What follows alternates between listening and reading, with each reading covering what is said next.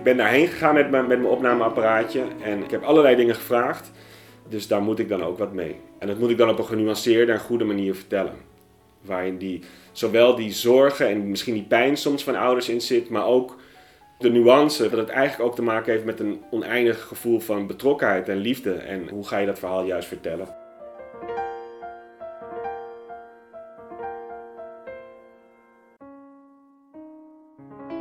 Vandaag spreken we met Casper Kruithof. Casper heeft onderzoek gedaan naar mensen met zeer ernstige verstandelijke en meervoudige beperkingen en hun ouders. Een gesprek over de angst van ouders dat hun kind hen overleeft, hoe broers en zussen tegen die zorg van hun ouders aankijken en over levensverlengende medische handelingen. Welkom bij de 34e aflevering van de podcastserie Levend Verlies. Ik ben Edith Raap. Ik geef les in ouderbegeleiding aan de Hogeschool Utrecht en doe promotieonderzoek naar levend verlies. Ik ben Minke Verdonk. Ik ben moeder van een zoon met een lichamelijke beperking en ouderbegeleider. En ik ben Irene Sies. Onder de naam Gewoon Irene blog ik over de alledaagse dingen in mijn leven als moeder van vier kinderen. We maken samen een podcast over levend verlies. We voeren gesprekken met ouders, naasten en zorgverleners. Levend verlies. Steeds terugkerende gevoelens van verlies, verdriet en rouw van ouders met een kind met een beperking of chronische aandoening. We wachten op Casper. Dan een telefoontje. Hoi Edith, met Casper hier. Mijn band is net lek gegaan. Ik zet hem neer en ik kom eraan gelopen. Ik ben over 15 minuten. Excuus, tot straks.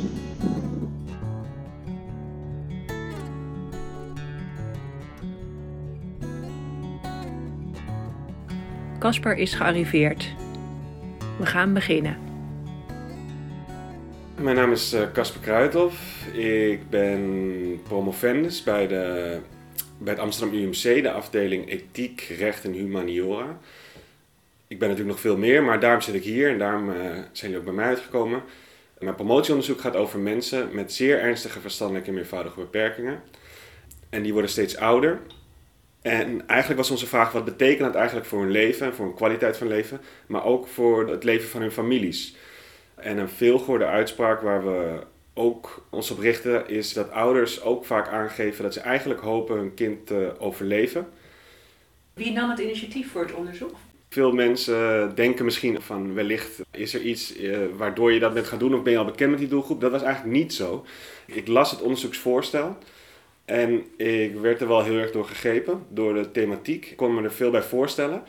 En ik dacht, het is een heel mooi thema. En ik uh, heb daar eigenlijk gewoon op gesolliciteerd. Eigenlijk was bij mij de groep uh, zeer ernstige en verstandelijke meervoudige beperkingen ook niet heel erg in beeld.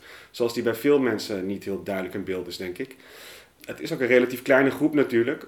Maar met, hoe groot is de groep ongeveer? Het ligt er denk ik een beetje aan hoe je het definieert natuurlijk. Ernstige meervoudige beperkingen zijn er denk ik zo'n 10.000 in Nederland. Uh, dus dat is niet een heel grote groep. En dat is dan een ontwikkelingsleeftijd dat vergelijkbaar is van een kind van twee jaar of jonger. En in mijn onderzoek, of in ons onderzoek, uh, zitten we daar eigenlijk vaak nog wel een beetje onder. Hè? Vaak wel tot een jaar of anderhalf jaar. Dat is natuurlijk niet zo dat die mensen met zo'n ernstig verstandelijke meervoudige beperking ook één op één vergelijkbaar zijn met een kind van die leeftijd, of, soms een baby. Ze hebben wel levenservaring, wel dingen meegemaakt. Alleen uh, ze zullen heel veel dingen nooit kunnen. En dat maakt natuurlijk ook de afhankelijkheid van hun ouders of van hun omgeving heel erg groot.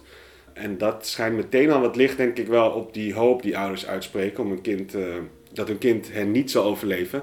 Dat heeft ja, natuurlijk heel veel te maken met die, met die afhankelijkheid van hun kind. Ja.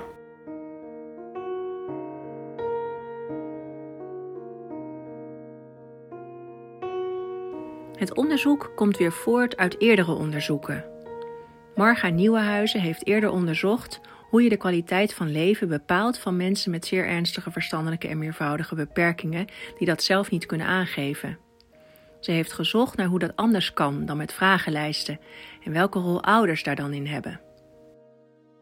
En in haar onderzoek waren toen ook een aantal ouders die aangaven van ik hoop dat ik mijn kind ga overleven. En zo is dat een beetje gaan rollen. Dat is toch een tegenintuïtieve uitspraak. Ook begrijpelijk, zoals ik al zei. Van, het heeft ook te maken met die afhankelijkheid. Je kan het je heel goed voorstellen. Maar toch is het een uitspraak waar we meer over wilden weten. En daar kwam dan dit onderzoek uit voort.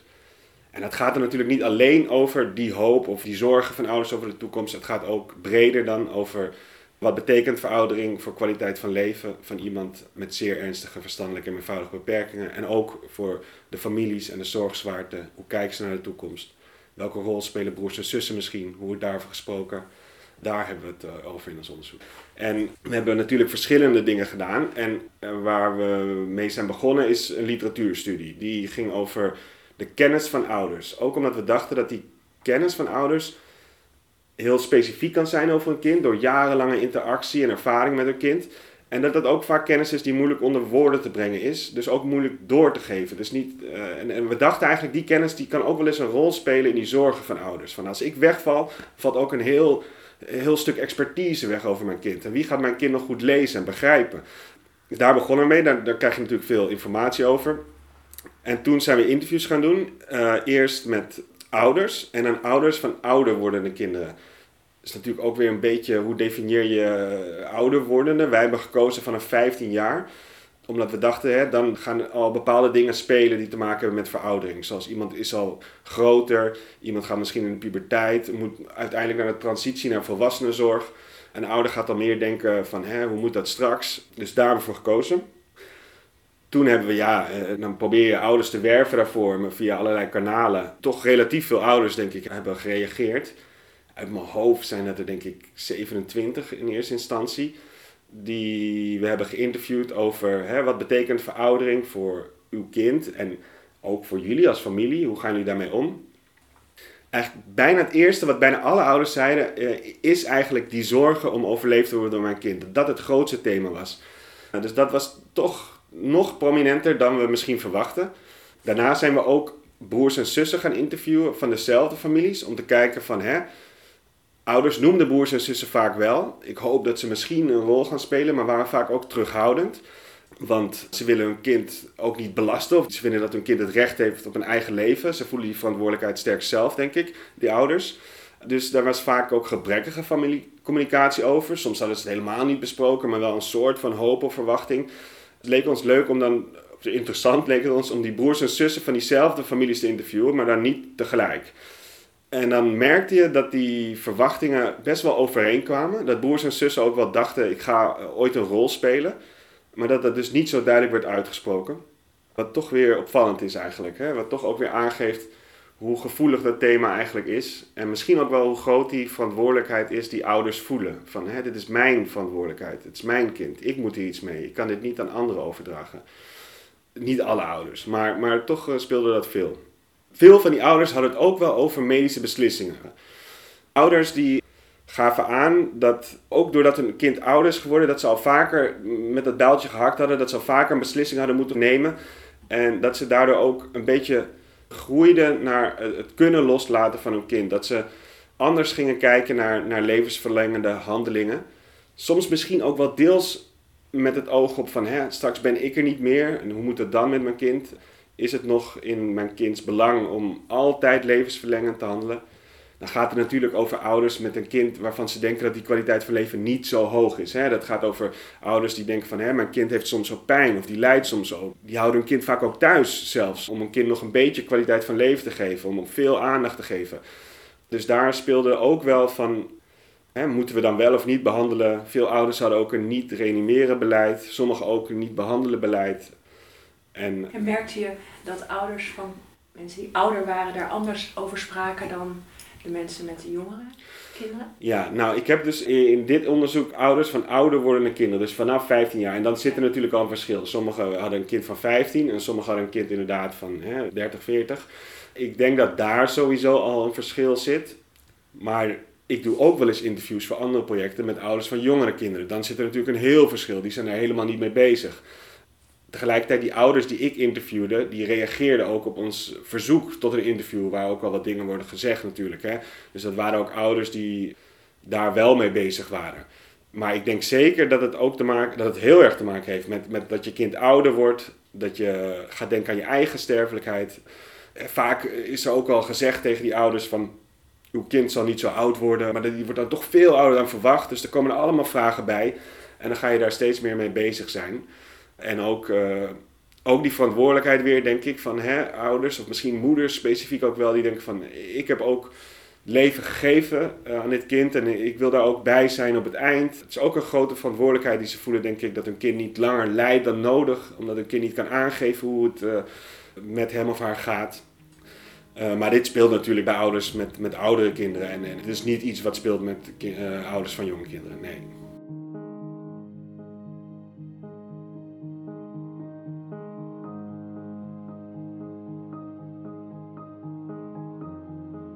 Ouders zeggen dan van, ik hoop dat ik mijn kind overleef of zo. En dat is een, een heftige uitspraak of daar, daar, wil je wat mee. Maar je wil natuurlijk ook weten wat daar dan achter zit. En hoe wij dat hebben beschreven en wat we hoorden van ouders, is dat het te maken heeft met de rollen die ze vervullen in het leven van hun kind.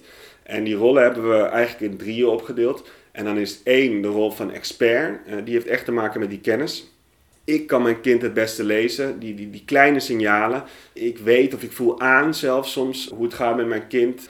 Uh, of die zich wel of niet lekker voelt. En anderen kunnen dat minder goed. Ouders zeiden niet, dat komt per se omdat ik een ouder ben of omdat ik zo speciaal ben. Die zeiden dat komt omdat ik zo lang mijn kind ken en zo lang die inschattingen maak en die ook kan testen aan, aan wat daarna gebeurt.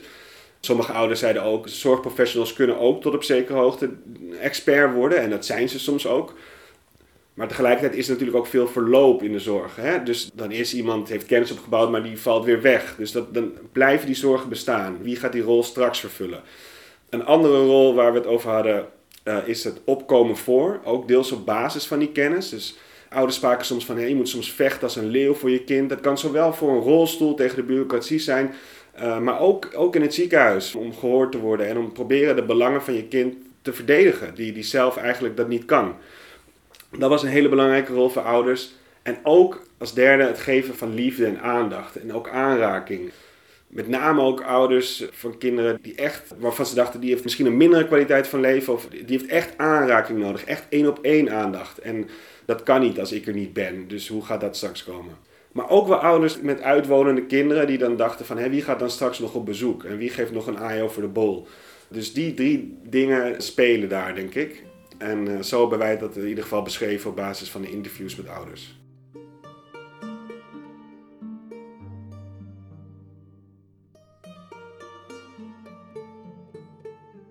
Hoe gaan ouders met de zorgen voor de toekomst om? Sommige ouders zijn daar heel concreet mee bezig en die schrijven alles op en die, die proberen van alles. Er zijn ook ouders die proberen zelf een initiatief op te zetten om dan te zorgen dat, dat een kind goede zorg kan blijven krijgen. Dat is natuurlijk ook weer kwetsbaar. Zo'n initiatief, een oude initiatief, dat gaat vaak ook fout. Maar toch gaat een soort van onvrede met, met de grotere instellingen proberen ze dat dan op een andere manier vorm te geven. Dus dat zijn echt voorbeelden van concrete acties, denk ik. Maar tegelijkertijd waren veel ouders die hier wel gedachten over hadden, maar dit niet zozeer uitspraken. Hoorde ook wel eens van broers en zussen van, hè, toen het toen bijvoorbeeld mijn vader overleed, toen werd mijn moeder wel concreter hierover. Dus het kan ook zo zijn dat dan nog concreet gaat worden. Maar vaak denk ik ook wel op het laatste moment. En dat, we hebben, ik heb ook interviews gehouden met broers en zussen en, en professionele vertegenwoordigers en zorgprofessionals die zorgen voor mensen met ZDVB zonder ouders. Om eigenlijk te kijken van hoe gaat het dan uiteindelijk? Hè? En ook in die interviews hoor je van broers en zussen die dan nu vertegenwoordiger waren. Van een aantal hoorde je pas op uh, tijdens de laatste adem van, van mijn vader of moeder. Toen pas werd dit echt concreet gemaakt. En toen moesten we nog heel snel allemaal documenten tekenen. En dus dat het echt tot het laatste moment werd uitgesteld. En dat heeft dan te maken, denk ik, met dat ouders het vaak lastig vinden om dat te bespreken. Broers en zussen willen denk ik vaak wel bespreken, maar vinden toch ook een thema dat de ouders bespreekbaar moeten maken. Het gaat immers ook over hun sterfelijkheid. Dus ja, het verschilt per familie, maar het komt geregeld voor dat dit soort zaken wel heel erg in de gedachten zitten, maar niet zo snel ter tafel komen. Ja. De allereerste variant die je noemde was dat ze alles opschrijft. Bedoel je dan alles opschrijven over het kind, zodat je aan anderen kunt duidelijk maken van hoe je kind verzorgd moet worden, behandeld moet worden, hoe je kind is. Ja, ook dat. Dus uh, opschrijven hoe is mijn kind en soms een levensverhaal. Ook praktische zaken en administratieve zaken, uh, dat is ook een, toch een grote rol. Hoe ga je er allemaal mee om en hoe verantwoord je alle uitgaven die je doet als je een PGB hebt of weet ik veel wat. Dat zijn ook dingen waar, denk ik, met name broers en zussen ook veel behoefte aan hebben. Om dat een beetje te weten. Het is ook een hele financiële administratie gewoon ik heb ook wel ouders gesproken en, en, broers en zussen die er wel heel veel over spraken. En ook broers en zussen die zeiden van, uh, als mijn moeder niet meer is, dan neem ik mijn broer in huis of zo. Het verschilt, ja. Nou zitten we hier voor de podcast Levend Verlies. Heb je überhaupt die term, is die langsgekomen tijdens jullie interviews? Ja, ja, daar zat ik even aan te denken inderdaad. Het zou kunnen dat iemand dat wel eens heeft genoemd. Kende jij de term? Um, ik kende de term globaal. Maar ik wist eigenlijk niet dat die zo specifiek was als dat die is. En daar gingen denk ik de interviews ook niet zozeer over. Maar het heeft er denk ik wel mee te maken. En ook misschien een iets bredere vorm van levend verlies. Die hoop waar we het net al over hadden van ouders. Zou je ook kunnen zien als een vorm van levend verlies, denk ik. Dat je dus weet dat uiteindelijk jij dit niet meer kan geven. Die rollen die je vervult. En, en dat je dat constant aan herinnerd wordt als je kind ouder wordt. En dat je daar iets mee moet, maar je weet niet zo goed wat en hoe dan.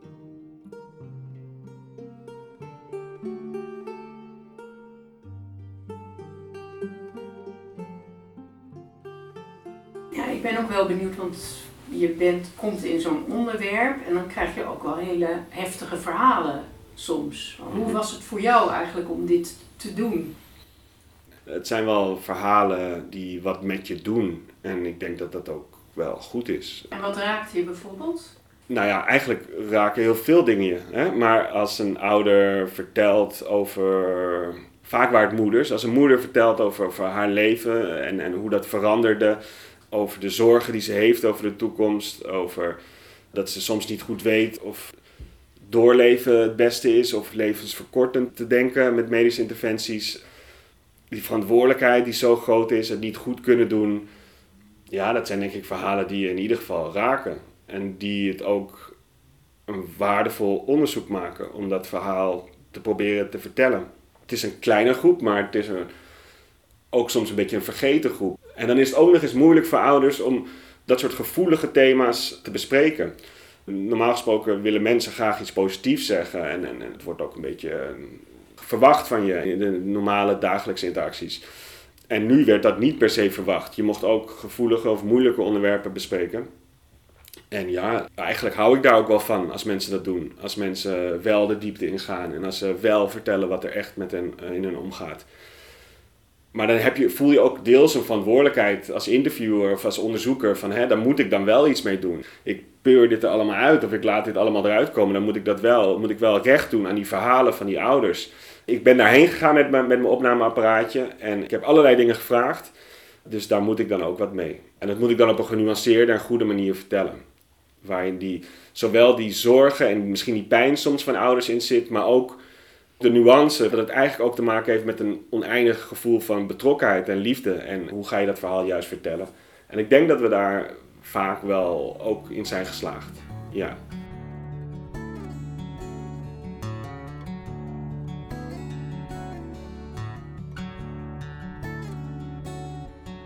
Wat misschien leuk is om te vertellen, is dat we ook wel iets praktischer mee wilden doen. En dat is natuurlijk lastig zat, denk ik.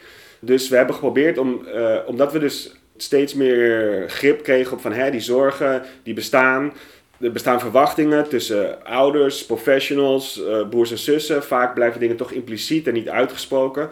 Soms is dat misschien ook niet heel erg, maar vaak kan het toch ook helpen om wel van elkaar te weten wat er in iemand omgaat. En hoe je samen misschien uh, kan denken aan de zorg toekomstbestendig te maken voor mensen die steeds ouder worden met ernstige beperkingen. En wat we hebben gedaan is samen groepsgesprekken georganiseerd met onze projectpartners. Dus bij locaties, woonlocaties zelf hebben we flyers uitgedeeld, of de managers daar gedaan, uh, van uh, het thema wat als ik er niet meer ben. En dan hebben we een gestructureerd groepsgesprek gemaakt, waar we zowel ouders als andere familieleden als zorgprofessionals voor uitnodigden. En om zo gezamenlijk eigenlijk te kijken van wat als ouders wegvallen, wat gebeurt er dan? Om zowel die zorgen van ouders bespreekbaar te maken, als misschien ook wat zou de rol kunnen zijn van een zorginstelling? Hebben die een verantwoordelijkheid? Hoe zien ze dat zelf? Kunnen ze expert zijn? En dat was wel heel mooi, denk ik, en, en heel leuk. Het is niet zo dat het echt een pasklare oplossing is voor allerlei problemen. Het is wel zo dat thema's daardoor bespreekbaar worden. En ook misschien wel dat er een soort van vertrouwen of, uh, tussen zorgprofessional en ouders kan ontstaan. Soms is die er natuurlijk ook wel gewoon. Maar dat ouders zoiets kunnen uitspreken, dat zorgprofessionals weten dat dat leeft. Dat dat misschien soms ook ligt onder bepaalde vragen. Dat het een thema is wat je kan bespreken überhaupt. Dat ouders daar relatief vaak ook wel open voor staan. En zo proberen we dat eigenlijk een soort van duwtje of setje te geven. Wat je ook merkt is dat er ook wel veel concrete vragen leven bij ouders. En dan met name over uh, vertegenwoordigerschap. En als ze bijvoorbeeld geen andere kinderen hebben of, of geen kinderen hebben die dat zouden willen doen, hoe gaat het dan? En hoe gaat het met een professional? Dus het heeft ook wel die functie, maar ook om dat gesprek op gang te brengen eigenlijk in, in zorginstellingen.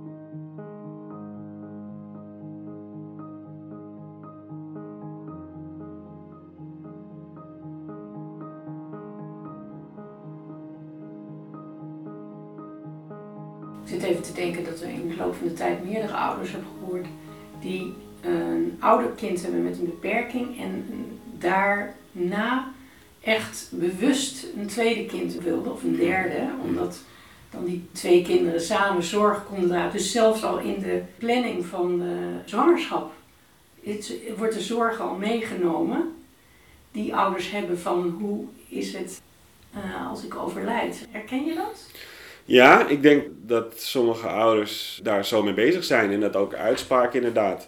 Er was bijvoorbeeld een moeder die aangaf van, hè, dan had ik, een kind met ernstige beperkingen en een ander kind. Dan moest ik er eigenlijk nog één bij maken, want anders is het niet eerlijk voor mijn kind zonder beperkingen. Dan komt alles op haar schouders uh, terecht.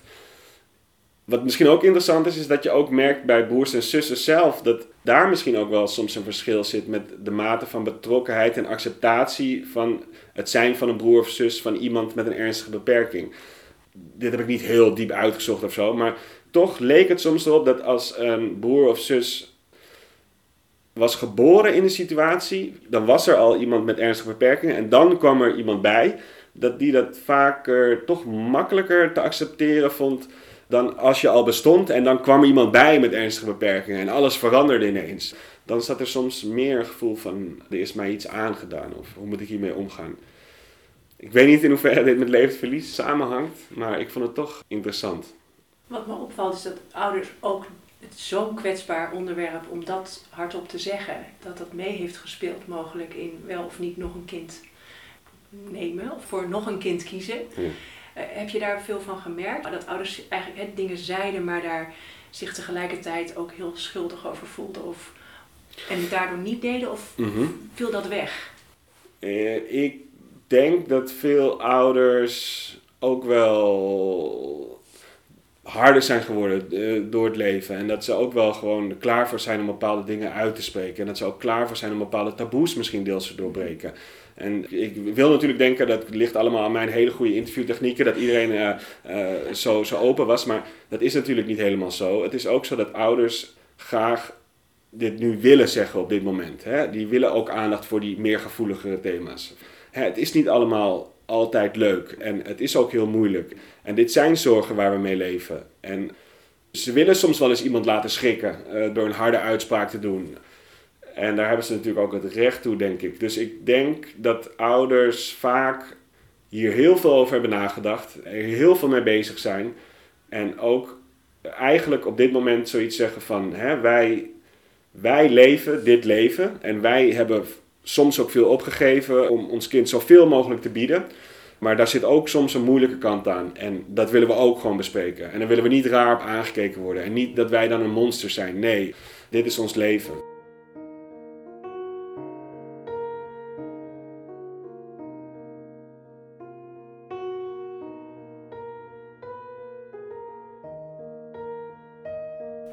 Voorstellen dat je tijdens de gesprekken dat je op meerdere momenten dacht, oh, maar dit is ook een onderzoek waard.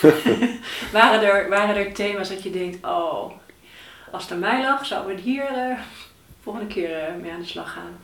Ja, nou, ehm, hè, we hadden het eerder over die kennis van ouders. Die hebben we toen tacit knowledge genoemd. Dus een soort van impliciete, soms ook lichamelijke kennis die ouders of die mensen kunnen hebben over mensen met een beperking. Die kunnen dus niet goed uiten hoe het met ze gaat. Maar toch moeten daar heel inschattingen van gemaakt worden. En, en soms is dat gewoon een gevoel. Je hebt ook ouders die zeggen van ik, ik ruik dat gewoon aan mijn kind of zo. Dus uh, dat vonden we wel heel interessant. En daar zijn we ook verder mee gegaan in een project. Ook juist omdat in zorginstellingen toch vaak verloop is. Of dat er wordt gewerkt met allerlei teams dat, die veranderen omdat ze denken dat dat goed is. Terwijl wij eigenlijk denken, hè, als we het over die tested knowledge hebben, is het juist belangrijk om proberen continuïteit te hebben. En ook na te denken over manieren waarop je dat soort kennis wel met elkaar zou kunnen delen. Dus dat is iets wat ik interessant vind en waar we ook mee bezig zijn. Maar een ander groot thema was ook het nemen van medische beslissingen voor je ouder wordende kind. En daar zit denk ik ook nog wel wat in. Want er zijn bijvoorbeeld ook ouders die aangaven dat ze denken dat het mogelijk in hun kinds belang is of zou kunnen zijn dat hun kind wel ooit in aanmerking kan komen voor euthanasie. En dat is nu natuurlijk niet zo, hè? want iemand kan niet zelf een vrijwillig en weloverwogen verzoek doen. En het is natuurlijk ook een heel moeilijk en gevoelig thema. Want ja, als mensen zelf niet kunnen aangeven hoe het met ze gaat, hoe ga je dan beslissen over het leven en dood? Dat soort beslissingen vinden natuurlijk vaak plaats. Hè? Dus wel of niet geven van een behandeling. Uh, sommige ouders eh, vertelden zelfs verhalen over ouders die ze kenden die stopten met het geven van kunstmatige voeding in overleg met een arts. En er waren dus een aantal ouders die aangaven van, hè, dat kan ik eigenlijk niet begrijpen, dat zoiets dan wel mag, of op een soort van grijs gebied mag, maar dat iets actievers als euthanasie, dat dat nooit zou mogen. Terwijl zij dachten dat het mogelijk wel in het belang van hun kind zou kunnen zijn. Als ouders dat soort dingen zeggen, dat zeggen ze natuurlijk niet lichtvoetig, daar moet je dan toch wat mee. Ik zou me wel kunnen voorstellen dat een manier om dat verder te verdiepen is om ouders wel samen met medische professionals uh, te laten spreken hierover. In, in een andere soort groepsgesprekken. Ook om daar een beetje weer die groepen met elkaar in gesprek te laten gaan. Wat zijn de overwegingen van die groep en van die groep? Het kan ook andersom. Hè? Het kan ook zo zijn dat een ouder graag wel levensverlengend handelen wil voor haar of zijn kind.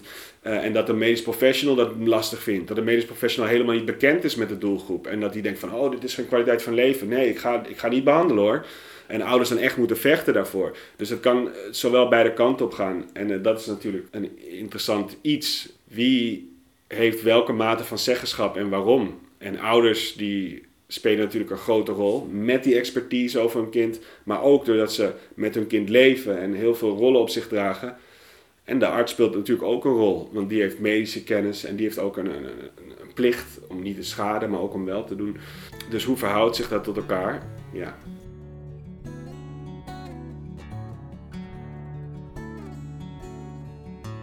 Even, heb je nog nagedacht over tegeltje? Tegeltje, ja, ik heb erover nagedacht.